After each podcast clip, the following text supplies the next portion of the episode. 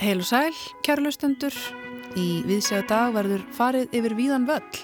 Vittir Báru Gísladóttur, vélaverkstæði sem að umbreyttist í þjóðbúningasafn og spæjarastofa hverstagssapsins í viðsjá dagsins. Í Hallgrímskirkju á lögadaskvöld verður flutt tónverkið Vittir eftir Báru Gísladóttur. Tónleikarnir eru hluti af myrkum músiktugum. Vítir er samið fyrir nýju flautur, rafbassa, kontrabassa og þrjá slagverksleikara og í lýsingu segir að það skarti hugmyndum um áferð og vítir þar sem mismunandi efni renna saman í eitt. Bára er tónskáld og kontrabassaleikari búsett í Kaupmannahöfn, hún namn tónsmíðar við Listaháskóla Íslands, verdi Akademíuna í Milano og konunglu dönsku tónlistarakademíuna í Kaupmannahöfn. Bára verður gestur viðsjár hér á eftir og segir okkur betur frá tónlistinni sinni.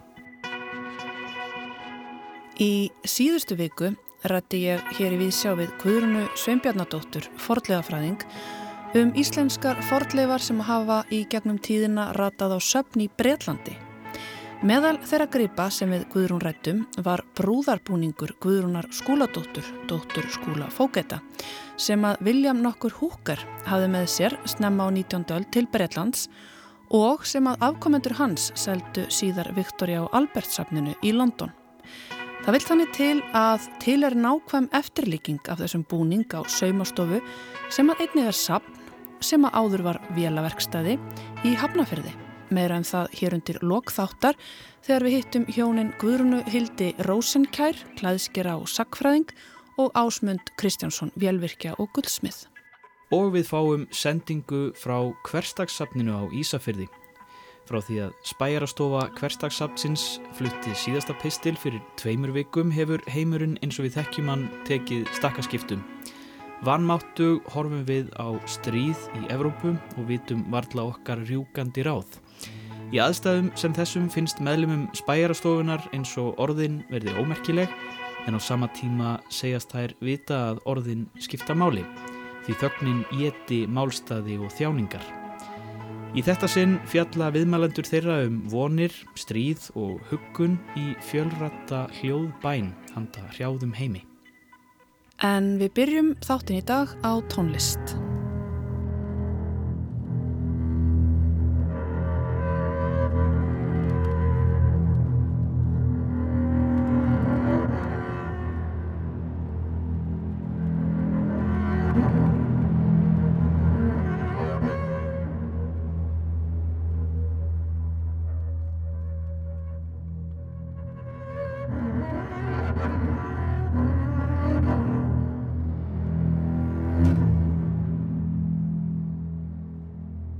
Bára Gísladóttir, verður velkomin í Víðsjá.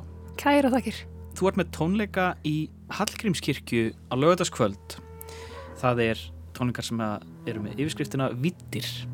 Og það stendur í lýsingunni og hljóðheimurinn skartar hugmyndum um áferð og vittir þar sem mismunandi efni renna saman í eitt. Ef að byrjaði að reyna að útskýra þessa lýsingu aðeins, hérna, hvern, eh, kannski bara reyna að segja hvernig efni er að renna saman í eitt. Hvað? Það er aðalega sko, sko þessi mismunandi efnir sem koma saman þegar mismunandi hljóðfæri koma saman.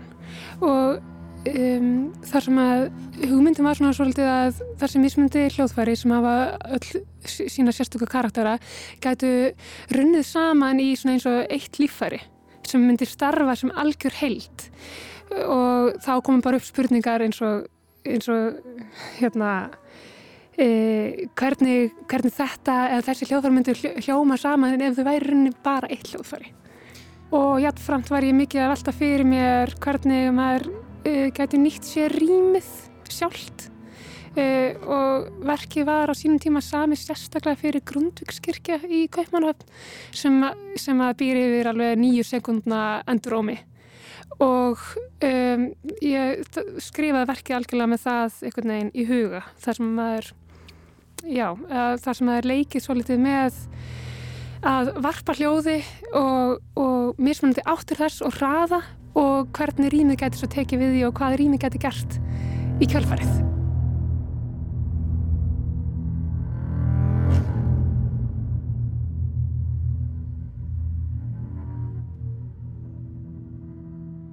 og þessi hljóðfæri sem að mynda þessa held, vítir, hvernig velur þau? Það er náttúrulega kannski augljóst að þú velir kontrapassa, en svona, hvernig, hvernig koma hinn hljóðfærin til og ratirnar og... Sko hugmyndin var upprunlega að, að vera bara með brjálaðislega margar flautur.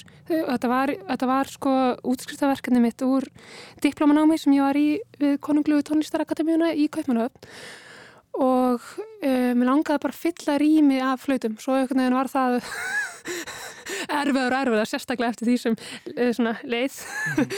og, uh, og, og ég endaði á að, uh, að velja nýju flautur en að vera með fimm bassaflautur tvær altflautur, flautu og pikkolo og þannig að það væri svona bassin og, og það registur sem að væri einhvern veginn í aðallutverki mm. og hitt svona svolítið svífur með uh, og er kannski ekki alltaf mikið forgrunni eins og vill oft verða.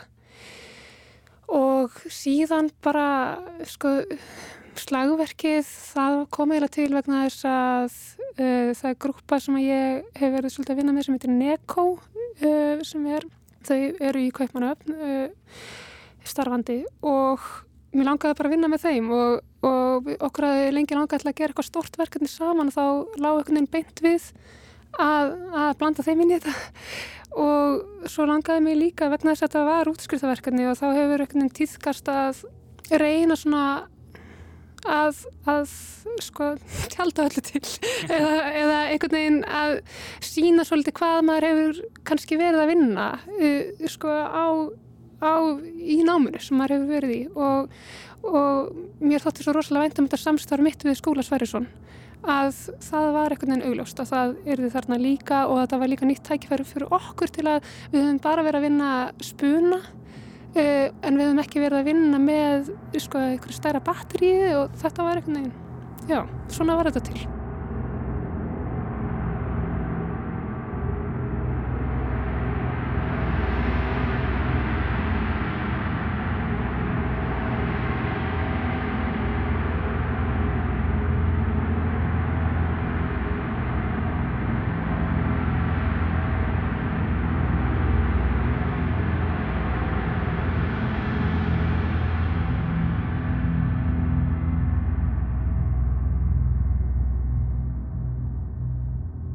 Samstarfið ykkar skúla, það, hvenar, hvenar byrja það? Það byrja, sko, það, á svona ytru og innri tíu tíma, en við, hérna, við kynntumst, sko, 2014-15 uh, þegar ég var svona fyrst að koma að spila í mengi og þá kviknaði fljótlega hugmyndum að það geti verið gaman að -hmm. prófa að spila eitthvað saman og svo uh, nokkrum árum setna fóru við í stúdjó og, uh, og það bara einhvern veginn varð strax til uh, einhver svona mjög skýr tenging mm -hmm. og, og, og einhvern veginn þetta var allt mjög svona, svona með svona því náttúrulegra sem, sem að ég hef komið að sko í, í, í músík. Mm. Nú veist ekki endilega hvaða var sem að, hvaða hugmyndir það voru sem að tengd ykkur svona náið. Mm. Þú reyndar kannski að vera bassalegarar kannski að vera bassalegarar ákveðin tenging þar mm. uh, en sko, nei það var ekkert svona uh, við, við vorum ekkert mikið að tala saman sko. Svona, eitthvað, uh, við fórum bara í stúdíu og byrjum bara að spila og það svona, var strax bara eitthvað svona já, já, þetta, þetta er það sem að hérna, þetta er það sem við viljum gera. Og og það þurfti aldrei að ræða það neitt frekar en, ok en við rættum samt ímislegt og þá sérstaklega um sko hvernig e, bara heimurinn er allur að opnast að einhverju leiti og sérstaklega í sko listum þar sem að það er hægt að skipta máli í hvað, hvers konar geira þú ert í, í listum og, og bráðum þarf ekkert að titla þessum tónlistamann eða myndlistamann held ég, þú veist, eða eitthvað svo leið sko. það, hérna, það er eitthvað svona ákveðin samrunni að eiga sér stað sem er rosalega spennandi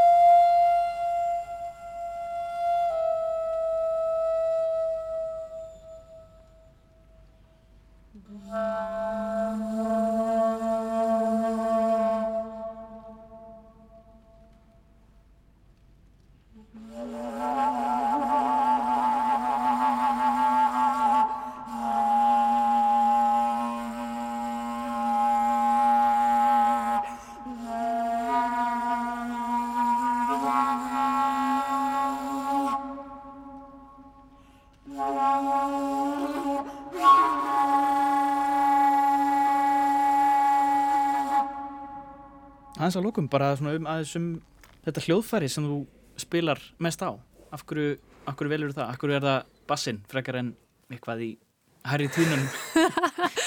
Já sko ég, ég náttúrulega ég æfði alltaf á fýðlu sem barn og fannst það alveg frekar leðilegt ég held því svona áfram í svona tíu ár og hérna svo ég fór í skiptunám til Nýjæslands og þar var kontrabassi í, í, í tónlistastofunni sem að enginn spilaði á og mér hefði alltaf, hefði alltaf þótt þetta hljófæri rosalega heitlandi en einhvern veginn ekkert íhugaði neitt meira en svo þegar ég var hana hínum einn á nettunum og fannst ég algjörlega frjálstilega að gera hvað sem er mm. og algjörlega einhvern veginn kannski óhrættari en maður hefði annars verið þá, þá ákvæði ég bara að slá til að því að vantaði bassaleikari í skólasveituna Já. Ég var alltaf með, með grunn sem fyrirleikari og svona þannig að þetta var lítið mál þannig séð e, og það var bara einhvern veginn, ég var algjörlega hilluð af þessu hljóðfæri og ekki bara þessu, ekki bara einhvern veginn registurinu, það er bara svo ótrúlega margir möguleikar og bara út af lengt strengjana og, og allt þar á með göttunum sko.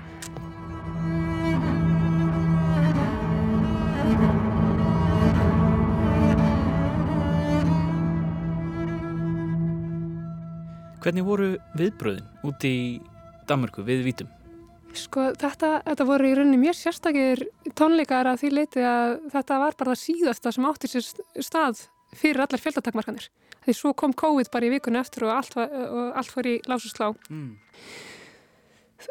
Þannig að kannski hefur sko, mi, þessi minning miklast svo litið út af því einhvern veginn fyrir manni að því að, að því að þetta var svo ótrúlega einhvern veginn Uh, að, því að, að því að bara það er svo varmætt fyrir mann eftir að hafa ekki eh, kannski svo ykkurum 30 aflýstum tónleikum síðar sko, að, að hafa átt þetta augnablík uh, og það er fyrst og fremst kannski að því að fá að flytja eitthvað klukktíma langt verk í rýmunu sem við fengum að flytja því það var bara eitthvað neginn það, já, það var bara uh, Töfrar fyrir mig sko, ég ætla ekki að tala fyrir áherendur Þannig að þú ert uh, alveg, það er alveg óljóst fyrir þér, Hva, hvað er að fara að gerast?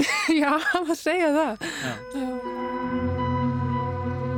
Bára Gísladóttir, takk kærlega fyrir komuna í Víðsjá og gangið vel á lögadaginn og gangið er vel bara í tónlistinni yfir höfuð Takk kærlega, takk fyrir mig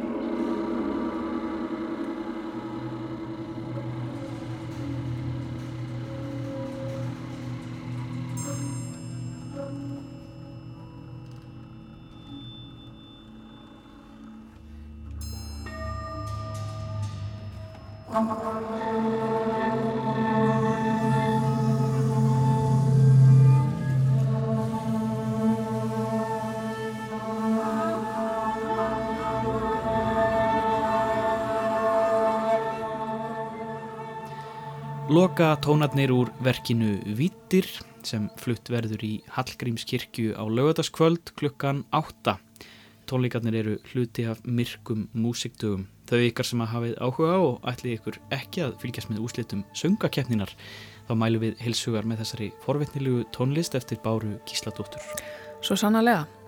En það er komið að hverstasafninu á Ísafyrði. Í þetta sinn sendir spæjarastofa Sapsins okkur fjölrata hljóðbæn handa hrjáðum heimi.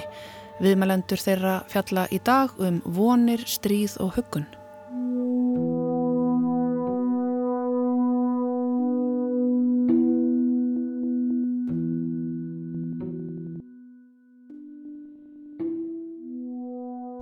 Ég óskæði mér einsinni og óskinn rættist.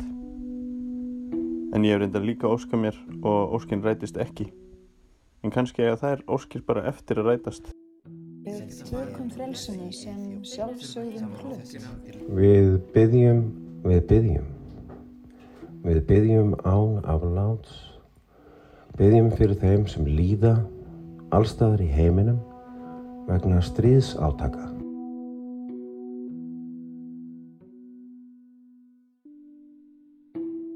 Þegar ég var sjóra var kúpudeilan í alglemingi.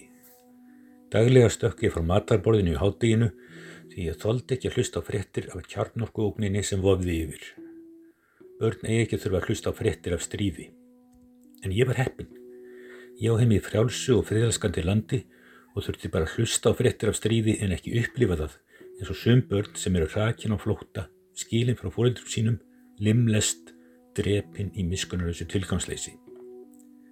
Það er skilda okkar sem lifum í friði og við allsnæktir að liðsina fólki sem verður saklut fyrir barðinu á trilltum metnaði veruleika fyrtra ráðamanna. Við verðum að trúa því að friður og kærleikur sigur á lókum. Annað er ekki í bóði.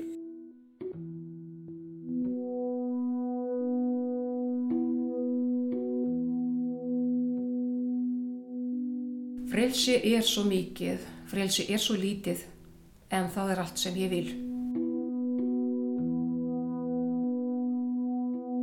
Frelsið er ekki sjálfsagður hluti, því oft fylgir ákveðin saga, sterkur vilji og mikið trú. Baráttan fyrir frelsi sem er í hættu í dag enginnist af hetjulegu hugreiki, ólýsanlegum vilja og margar tímamóti sögu heimsins.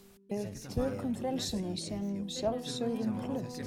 Við gefum okkur. Við byggjum fyrir friði í Sýrlandi, Palestínu og Ísrael, Eritreu og Jemen, í Úkrænu.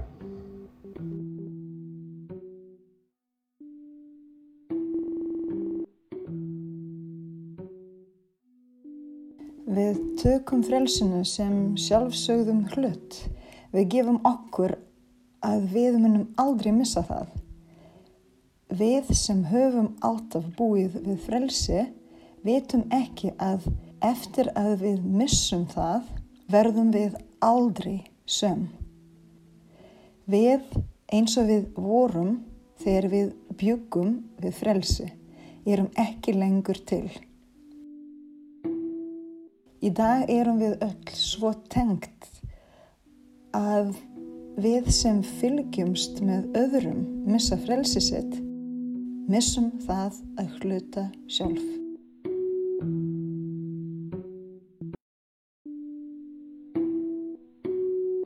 Frelsi er að geta farið út úr húsi og þurfa ekki að hafa áhugir af því að vera í hættu. Frelsi er lífið. Þegar þú finnur frelsið þitt, finnur þú heimilið þitt. Við tökum frelsinu sem sjálfsögðum hlut. Góði Guð, viltu láta stríðið hætta svo við getum öll farið að hlusta í kuðunga. Ég hugsa mikið um fornalöfum strísins í Úkrænu þessa dagana. Í mínu hjarta eru þau við hlýð palestínumanna, fólksins í Jemen eða í Eþjópiu sem eru um þessa mundir líka undir loftárásum og deyja á hverjum degi. Sérkvært stríð hefur sömu lögmál. 90% fornalamba eru óbreytti borgar sem hefa aldrei haldið að bissu í sínu lífi. Stríðum er líst yfir á hínum ríku og völdugu sem senda síðan börn fátækra til að deyja. Þegar ég sé allt þetta gerast, ég tel að mannkinnið hafi klúdrað sem hugsandi vera.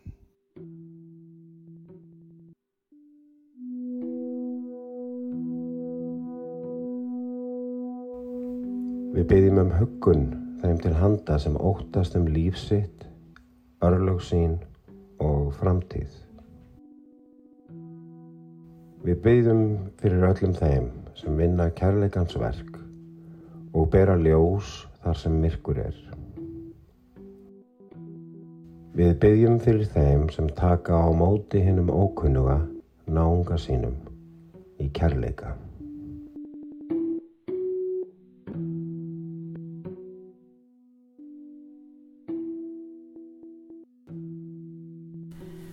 Ég vona að skynsemi muni vera sterkari en heimska.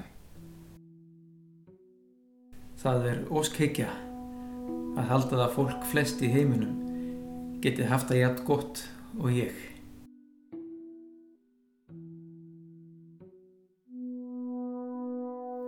Drottin, miskunna þú oss, Herra, armahda meitä.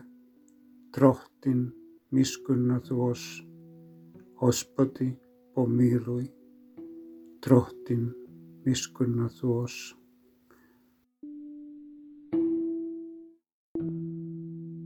I pray that my heart may never harden. Break the hardness of our hearts, O God.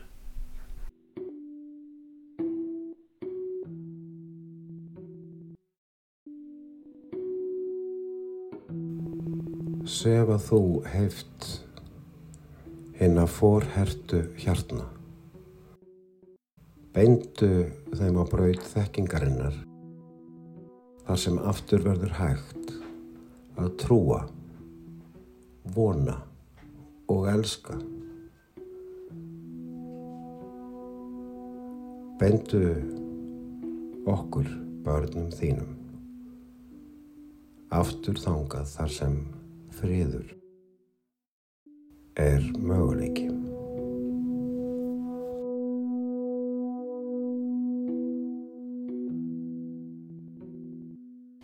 Það er mín einlæg von að mjög fljótlega getum við horft í augun í hvoru öðru með hreini samvisku og sagt með fordæma lausri samstöðu afrekkuðum við það sem virtist ómögulegt. Okkur tókst það og lærðum að gera heiminn friðsamari til framtíðar.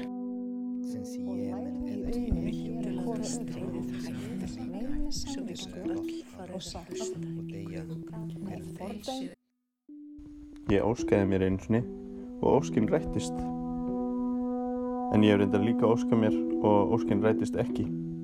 En kannski að það er óskir bara eftir að rætast.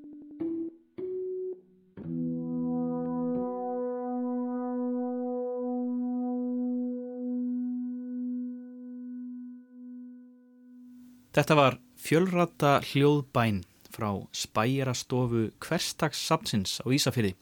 Spæjarastofuna skipa þær Björg Sveinbjörnsdóttir, Væta Bratsúnæti og Anna Sigriður Ólafsdóttir og tónlistin er eftir Artrúði Ingolstóttur. Já, og áður en lengra er haldið skulum við hlýða á smá barokk. Við skulum hlusta á brotur flutningi barokksbandsins Brákar á Sinfoníu nr. 5 eftir Bach. Música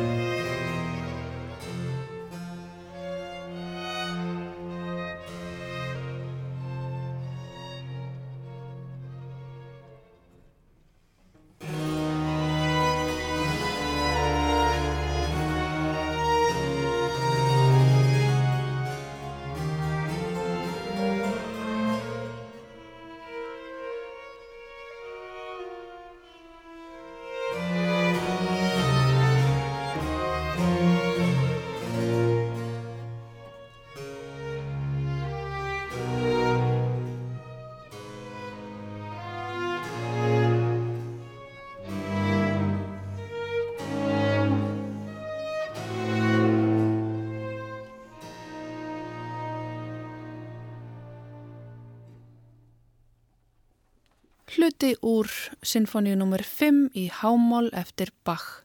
Barokkbandið Brák flutti en barokkbandið Brák er skipað hópi fólks sem hefur sérætt sig í upprunaflutningi í námi Erlendis og vil nýta þekkingu sína til tónleikahalds og verkefna hér á landi. Upptakan sem við hlítum hér á er frá tónleikum þeirra, Brák og Bach, sem fóru fram í Eldborgarsal í Hörpu 2020. Já og bandið er einmitt með tónleika næst komandi sunnudag þann 13. mars í Hörpu. Þar sem hópurinn mun meðal annars leika verk af plötu sem er væntanleg og frumflytja þrjú nýverk sem samin voru sérstaklega fyrir hópin eftir íslensku tónskaldin Bergrúnu Snæbjörnsdóttur, Þráinn Hjálmarsson og Kristinn Smára Kristinsson. Einnig leikur brák sjálftheirða sinfoníu eftir sænska hyrð tónskaldið Jóhann Jóakim Agrell, Concerto Grosso eftir Locatelli. Aug hins fræga konserts í D-mól fyrir tvær fiðlur, selló og hljómsitt eftir Vivaldi. Já, spennandi tónleikar þar á ferð, nógum að vera í tónlistinni þessa dagana, en uh, við höldum nú í Hafnarfjörðin. Ég mætti hérna á ansi skemmtilegan stað í Hafnarfjörðinum. Þetta er gömulbygging, sögufræg, fáum að heyra betur á því og eftir, stendur hér við hliðin á einbilshúsi þar sem að merkis hjón búa sem ég ætla að spjalla eins við. Þetta er í raun, já, saumastofa, verkstæði, skóli og sapn, allt í senn. Ég er komin hérna fyrir sakir, já, krókaleða er hægt að segja. Í síðustu viku þá rætti ég við Guðrúnu Sveinbjarnadóttur, forleifafræðing um íslenskar forleifar sem að hafa í gegnum tíðin að rata á söfn í Breitlandi og Guðrún hún hefur síðastlein ár rannsakað tildrög þess að gripinni lendu í Breitlandi hverju fluttu það út og svo hver afdrið þeirra hafa orðið á söfnunum. Og meðal þeirra gripa sem við Guðrún rættum var brúðarbúningur frá átjóndöld sem að William Hooker hafði með sér snemma á 19. öld til Breitlands og afkomendur hans seldu svo Victoria Albert safninu í London. Svo vildi svo skemmtilega til að eftir þetta samtal hafði samband við mig kona, nafni Guðrún Hildur Rosenkjær, en hún er klæðskeri og sakfræðingur og sérhæfi sig í öllu sem að snertir þjóðbúninga. Guðrún Hildur rekur fyrirtæki sem að kallast Anríki á samt eiginmanni sínum, ásmundi Kristjánsinni, sem að er velvirki og guldsmiður. Þau hafa verið að vinna endurgerður á fatnaði frá átjóndöld og meðal annars á búningnum sem að við Guðrún rættum í síðustu viku. Þau hafa mér sér farið á séðbúningin á safnunu og gert endurgerða honum og bæði skarti og, og klæði og ég er inga komin til að spjalla við þau og sitt hér í, í hotni á þessari vinnustofu í gömlum antíksófa við gamalt tekkborð og við erum umkringt búningum, efnum, gulli og gersemum er aftur að segja. Komið sælblessu og takk fyrir að taka á mótið mér hérna. Sæl, þú ertu velkomin. Sælblessu. Gaman að heita ykkur og takk fyrir að ringja hérna Hildur, þú ert alltaf kvöldi Hildur ekki satt, já. já. Og hérna beina mér hinga, það er, ekki, það er ótrúlega gaman að koma til ykkur, ég bara trúið ekki að ég horfa hérna á búningin, endurgerð á búningnum sem við Guðrun vorum að tala um í síðustu viku. En svona áður við förum að tala um hann og, og hérna þetta sapn sem er hér, kannski bara að þið segja mér hans frá Anriki. Já, við stopnum Anriki árið 2011 og hérna þá var, uh, hafði ég verið að vinna við þjóðbúningakenslu og saum uh, í mörg mörg ár og uh, var lengst af að kenna hjá heimilsinafélaginu og á þessum tíma þá var ásið að læra guldsmiði og okkur langaði að svona stopna bíldið svona öðruvísi vettvangum búningana og það var til þess að við hérna, fluttum allt rastlið úr þessum 100 fermetra bílskur eh, og hérna, tókum hann í nott fyrir eh, þetta sem er hérna í dag mm -hmm. en fyrst þarna þegar við byrjum að þá var bara hérna helmingurinn af skúrnum undir sögumastofuna og fremri hlutin var enþá undir bílaviðgerðir mm -hmm. En uh, svo hefur þetta bara stækkað og stækkað og uh, þannig að ásið hefur orðið að víkja með ja. bílana Ásið er það ekki rétt sem er að þetta var Já, hér var sögufrækt verstaði hérna í Hafnafjörði. Já, hér var stofnað vélaverstaði Hjalta Einarssonar sem heitir Vaffái í dag og er stærsta vélaverstaði landsins. Mm -hmm. Var reiki hér í áratug, þá var það fluttið til starra húsnæði. Mm -hmm. Þannig að hérna, jú, jú, hér er alltaf verið aðrumstarfsemi hér við sögugotuna. Já. Og það verið hérna velvirkji og á undan okkur og pípari og það verið alltaf verið aðrumstarfsemi, sko. Já það er aldrei skemmtilegt að í þessu sama rými og, og var verið að gera við vélar og bíla sé núna verið að gera við þjóðbúninga Já, þetta er alveg magnað Já. en þetta, það, þessi stað sem er passar fullkonlega hérna inn og, hérna, og við höldum alltaf hérna námskeið líka og uh, þetta er einhvern veginn bara svo, svo frábært rými fyrir þetta allt saman. Og svo er Ási, náttúrulega hann er líka með sitt guldsmíðavestæði og það er hérna í bílskur sem er reynilega undir húsinu okkar. Þetta er eiginlega alveg ótrúlegt uh, ferlíki þetta hérna. Þetta er kastali. Svo sannlega, og svo stundar þú líka rannsóknarvinnu á, á íslenska þjóðbúningnum, þú fóst í setni tíð í sagfræði, af því að þú vildir bara vita allt um þessi mál Já, þegar ég var búin að vera að vinna svo lengi við að sauma þessa búninga að þá vakna spurningarnar um sko formaðurnar og bara þeirra verk. Mm -hmm. Þannig að ég svona hugsaði þetta aðeins og hvað mér langaði að gera og þá ákvæði ég að fara í sagfræði af öllu og það, ég held að það hefði, sko, mér hefði dögt að síst af öllu hug fyrir á tímum. En ég hugsaði sko þannig að mér langaði að fjá verkfæri til þess að stundar ansóknir og ég hef sannlega sko fengið það í sagfræðinni en þetta er rosalega mikil vinna að, að fara í gegnum alla sagfræðina nú er ég að, að, að gera mastersverkefni sem fjallar um prjón í íslenskum búningum og, og það er mjög merkilegt og merkilega nýðustöður vonandi sem kom út úr því mm -hmm. en hérna, já, sagfræðin er bara uh, raunverulega búið að vera frábært uh, verkfæri fyrir mm -hmm. mig mm -hmm. mm. Magna hvernig maður endar svona á sinni hillu bara alveg óvart stundum, er það ekki? Jú, að vissu leiti, sko, ég held að, reyndar held ég að ég ráð ekki alltaf för. ég hérna, sko, ég er nú ekki mjög hjátrúfull, en mér finnst stundum eins og mér sé stýrt á vissa brautir og svo einhvern veginn ráða örlögin því, þú mhm, veist, að, -hmm. að maður lendir eitthvað staðar og svo finnst, ég finn óbáslega stert fyrir formaðurónum og hérna og bara ég til einhver öfulega allt mitt starf og allar þessar rannsóknir sem er náttúrulega búin að vera mjög, mjög miklar eh, formaður honum mm -hmm. og ein af þeim er Guðrún Skúladóttir sem var fætt 1744 og dói 1816 minnum með hún var dóttir skúla Fókita og hún saumaði fallega viðjabúningin sem að þið voru, Guðrún Sveinbjörndóttir voru að tala um og þetta er sem sagt fyrstibúningurinn sem ég byrja að sauma þegar ég fer út 1999 mm. og skoða þennan fallbúning þar mm -hmm. og þegar ég náttúrulega byrja þetta samstarf við Guðrunu skóladóttur sko, löngulegna konu, þá er ekkert aftur snúið og hérna ég sko segja að við séum samstarfskonur Já. og við sko þegar hún, uh, hún varð ekki 1770 eða þar umkring og svo flutt hún aftur til Viðjar, hún náttúrulega bjóð hjá föðu sinum uppalega í Viðei og hún flyttur svo til Viðjar úr skagafyrinum og sest að hjá þeim feðgum Steffensen og þar hafði hún lítið skott upp á lofti þar sem hún vann sem hún kallaði Anríki. Já. Svo það er ekki tilviljun að þetta fyrirtæki gæti ekki fengið neitt annan nafn en Anríki. Og það magnaðasta er að nú sitjum við hérna á kaffestofunum, við horfum inn í salin þar sem að þið eru með hérna námskeið og þar sem að eru, ég veit ekki hversu margar gínur þetta eru á sig, veistu hvað þetta eru margar gínur? Það sé ekki eitthvað 40 gínur, eitthvað svo leiðis, 40. 40 gínur, hvern gínur sem eru allar klættar í gamla búninga. Já, og svo reyndar nokkru piltar hérna líka. No, ok. Sem að spóka sig hérna með dömanum sko í sínum fínu búningu líka. Ef að koma að neina þess býtu nú við, hérna göngum við gegnum þessa pínu litlu veslun hér eru vá, hvað þetta eru fín efni. Þetta er ekkert póliastur ekkert póliastur, þetta er bara allt eðalefni. Silki ja. og ull og við bara spörum ekkert í því. Nei.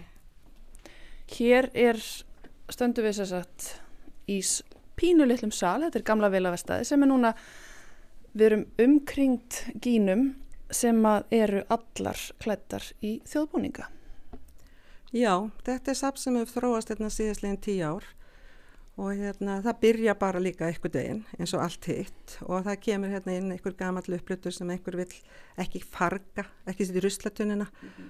þannig að þá segja já, já, já, ég skal taka bara við honum og við sjáum hvað við getum gert og þannig er þetta svolítið mikið tilkomið en svo höfum við líka stundum keift einstakar gripi þegar að því á einu tíum þá sáum við að við vorum raunverulega að komi með hérna samfellu í búningasöguna. Þannig að eldstu búningarnir sem eru hérna inni eru okkar endurgerðir af því þeir eru bara ekki til varðveittir. Þannig að þá eru við að endurgera fallbúninga frá átjónda öll sem eru þá unnir eftir skriflegum heimildum og rítum texta. Og það er engin leið að því öðruvísi, það eru alltaf ykkur svona hjáleir og maður nýtir sér allt svo leiðis. Mm -hmm og síðan er, þegar við erum strax komin þarna inn á 19. öldina þá getur við farið að eh, rekast á búningar sem eru raunverulega til og þa það er svo mikið til að gömlu skautbúningum þannig að eldstu skautbúningarnir hér í okkar safni eru bara upprunalegir og þeir eru þá frá kannski 1870 cirka Vá, þetta er alveg magnað að standa hérna á sig. Þú sér hafiði auðvitað í skartinu Ertu mikið að taka á móti skarti og gera við eða ertu líka að smíða nýtt? Það er auðvitað svona kannski stærsti hlut að vinna hjá mig er einmitt að laga gamalt skart. Smíða inn í hluti sem hafa tapast eða skemst og svo reynsa og gilla og þess þar. Mm -hmm. En svo er maður alltaf í, í, í nýsmíði, mm -hmm. bæðið handsmíði, výrarverkismíði og svo er ég að steipa líka. Mm -hmm. Og hingaður eftir að koma einu sinni viku þeir eru með opið hérna á þessu, já ég ætla bara að kalla þetta safn. Já það er alltaf eftir hátið að fyrstum, það var alltaf að koma og skoða alla dýrðina og það er bara opið hér allum sem hafa áhuga. Dásalegt. Hildur, eigum að ganga að djásninu hér í herberginu. Er þetta ekki höfudjásnið eða hvað? Þetta er svona koronan í safninu, það er alveg hægt að segja það. Já. En hann, þetta er búningur sem, að, semst, ég fór í 1999 og skoðaði við því að búningin hann út í Viktor í Albers safninu og hósta og strax handa við að sauma út í pilsið og þetta koma til að því að ég var þá að kenna hjá heimiliseinnaða félaginu og það var löngun til þess að fara að kenna þessa búninga og við vissum svo sem ekki rosalega mikið um þá. Mm. Þannig að þetta var bara fyrsta skrefið í því óbúslega stóra verkefni mm. að setja á stað þannig námskeið sem fóru svo á stað þarna 2001 og, og, hérna, og það hefur aldrei neitt lát á því. Þessi búningur, hann er bara, er enni vinslu hérna mm -hmm. mm, og þannig, þannig að það eru komin eitthvað hansi mörg ár En, en hann, hann fær bara flæða með öllum hínum verkunum og mm -hmm. þetta er semst að endurgerðabúningnum sem Guðrún skúladóttir sögmaði. En segðu mér, ef við horfum á þennan búning, hver er svona, þetta er auðvitað endurgerð, en hver er munurinn? Ég menna litirnir í þessum nýja hljóta vera aðeins sterkari og gullið þar skín meira á það og svo framvegis, en hvað, er þetta bara nákvæm eftirlíking? Nei, ekki alveg, en, og ég segja auðvitað er ekkert af því sem að maður gerir nákvæm eftirlíking, en þetta er mín endurgerð og þarna er ég til dæmis ekkert farin að stunda rannsókn, ég var ekki farin að læra sakfræðina þarna, þannig að ég, ég var ekki búin að móta mér svona uh, hvernig ég ætlaði að vinna þetta, ég ætlaði bara að gera, endur gera þennan búning. Þannig að þegar ég svo kom heim þá kaupi ég bara fallet efni og, og hérna ullarefni og setja þetta niður og fyrir að sauma. Og ég, sjálfur sér var ég aldrei búin að ákveða neitt ákveðin þetta, ég, var, ég ætlaði ekkert endilega að sauma þetta á mig, ég var bara að endur gera búning. Mm -hmm. Og svo hérna gerist það ræðilega ekki fyrir en það er svolítið merkilegt, ég kaupi þessa gínu, þessa gömlu gínu sem er akkurat þetta módel, þú veist, þetta er ekki komið brjóstaldari, það er engin barmur, mm -hmm. bara flatu barmur og svona, þannig að já ok, þá er þetta stærðin sem maður verður í. Og eh, þannig, þannig verður þetta verk mitt en þegar ég er svo komin lengra í þessar rannsóknir að þá er ég raunverulega farin að vinna verkin bara nákvæmlega eins mæli allt upp og er ofta endur gera bara búninga í nákvæmlega sömu stærðaði voru en þá nefnilega á ég orðið ansi mikið af búningu sem enginn passar í mm -hmm. en þess að fólk var bara miklu minna á 18. og 19. heldur en við erum í dag og alveg miklu minna, mér finnst ótrúlegt að horfa á þessa þú varst að benda mér á þennan búning hér sem er líka álíka gamall og er í þessari upphælegu stærð og mér þetta er bara eins og já, unglingur mestalagi, kannski. Já, já, unglingarnir í kringu mig hafa farið í hann, við förum ekki í hann. Nei. en það er, það er hluti af rannsóknarverkefni, þannig eru bara rannsóknir unnar. Mm -hmm. og maður er ekkit að, að hérna, þetta þarf ekki endilega alltaf að vera minn búningur. Einmitt. en hérna svo já, þannig að En svo eru nemyndu mínir náttúrulega okkar að, að njóta verulega góðs af öllum þessum rannsóknum. Og eitt af því sem hefur til dæmis komið hérna inn í þetta starf eh, er og mjög merkilegt að því að við Íslandika prjónum svo mikið og það var sko síst minna prjóna átjóndöld mm. og þegar maður fer að rannsaka það þá er bara prjón allstar. Prjónið er í eh, skirtónum, undirfatnaðunum, prjónið er í treyjónum, prjónið er í húfanum og prjóniður í peisunum og mm. þannig að ég hef verið núna sitt hérna bara alltaf þegar ég er ekki að gera eitthvað annað og prjóna Ertu með eitthvað þýnisátni hérna? Já, hérna eru pe peisunar og þegar við erum að tala um sko e, að leita heimildana Já. að þá er þessi hérna peisa eftir rítum heimildum Skúli fókiti, hann var náttúrulega svona framfara maður. Hann skrifaði skemmtilegan texta um 1760 þar sem hann er að lýsa því hvernig konur prjónuði við þeim og ég finn alltaf svona kallagroppi í þessu. Svona gerur við svona gerur konurnar í við þeim og þetta er, er, er það er náttúrulega engi vitað um þennan texta en það ræður engin við að vinna út úr honum sko. Mm -hmm. Þannig að mm, ég byrjaði raunverulega alveg á öfugum enda. Ég gerði rannsókna á þjóðminnasafninu fyrir mörgum árum og, og taldi þá út peysu sem er til þar en hún er semst frá, talin vera frá 1890 þannig að það er taldi langt frá skúla, mm -hmm. 1760 og ég byrjaði þar að endur gera hana og hún er þarna þessi svarta, það, þá er það svartar þarna út á enda og hún er prjónuð á, á þetta eru 1200 likjur. Er þetta handprjónað? Allt handprjónað. Þetta lítur út eins og vélaprón, þetta er svo fínt. Já, og það, það er rannsóknin. Veist, þetta er ótrúlega fallegt og með ísauðmuðu þessu fína flaugjili er hægt að panta svona peysu.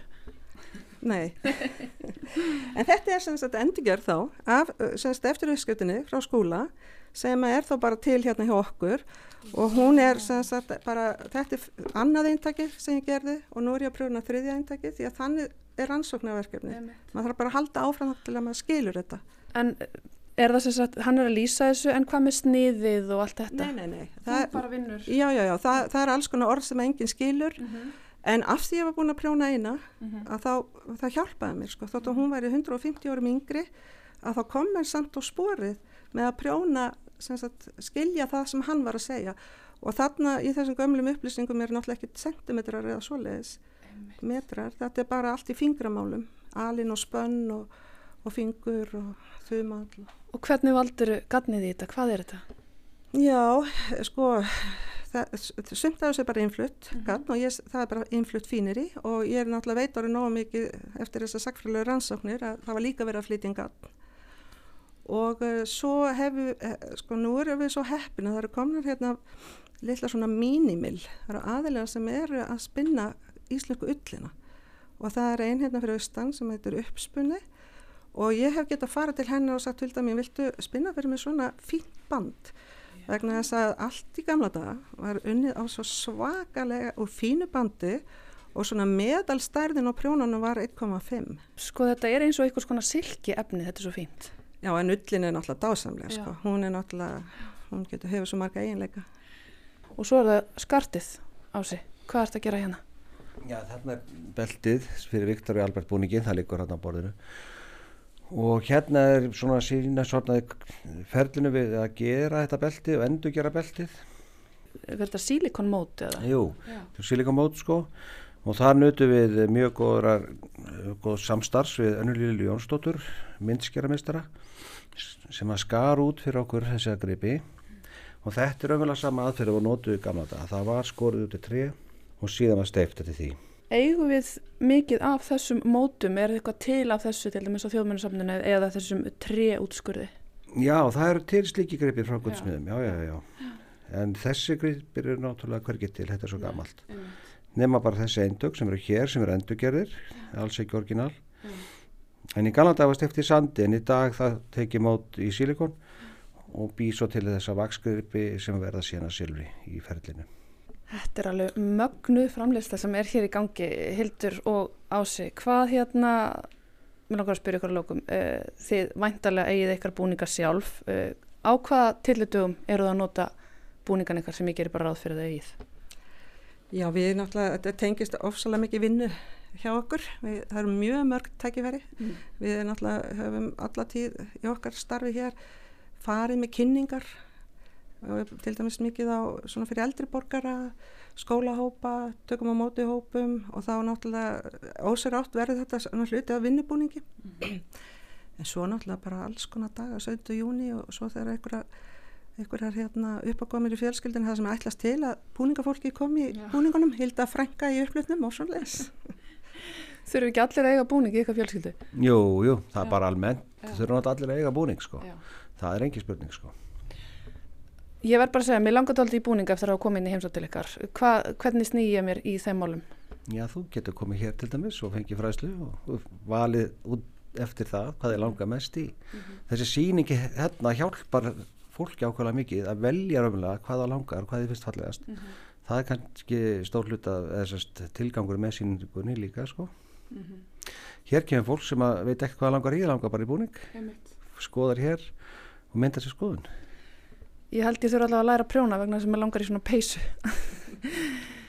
Guðrún Hildur, Rósenkjær, Klæðskeri og Sagfræðingur og Ásmundur Kristjánsson, Vélvirki og Guldsmiður Takk fyrir að taka mótið mér hérna í Anriki Ég lagt til að koma og fá ennþá mér fræðslu um búninga hjá okkur og kannski bara jafnvel sauma eitthvað einn daginn sjálf. Takk fyrir. Takk sem leis. Takk sem leis og verðt velkomin. Og á þessari forvetnilegu heimsókn í Hafnarfjörðin ætlum við að ljúka viðsjá í dag. Við minnum á að hugvísinda þing Háskóla Ísland stendur yfir um helgina. Þar sem hægt verður að kynna sér fróðlegar og aðteglisverðar málstofur um hinn ímsu málefni og einni er hægt að kíkja í Hafnarhúsið en það er undirlegt af gjörningalist með listaháttíðinni Gjörningaþóku. Já, komið að lókum hjá okkur í þessari viku. Við snúum aftur á okkar venjabundna tíma á mánudag en eh, minnum á að hægt er að lusta á þættina í rúf spilarannum og öllu helstu streymisveitum. Einnig minnum á úrvalur viðsjá á sunnudag klukkan 2.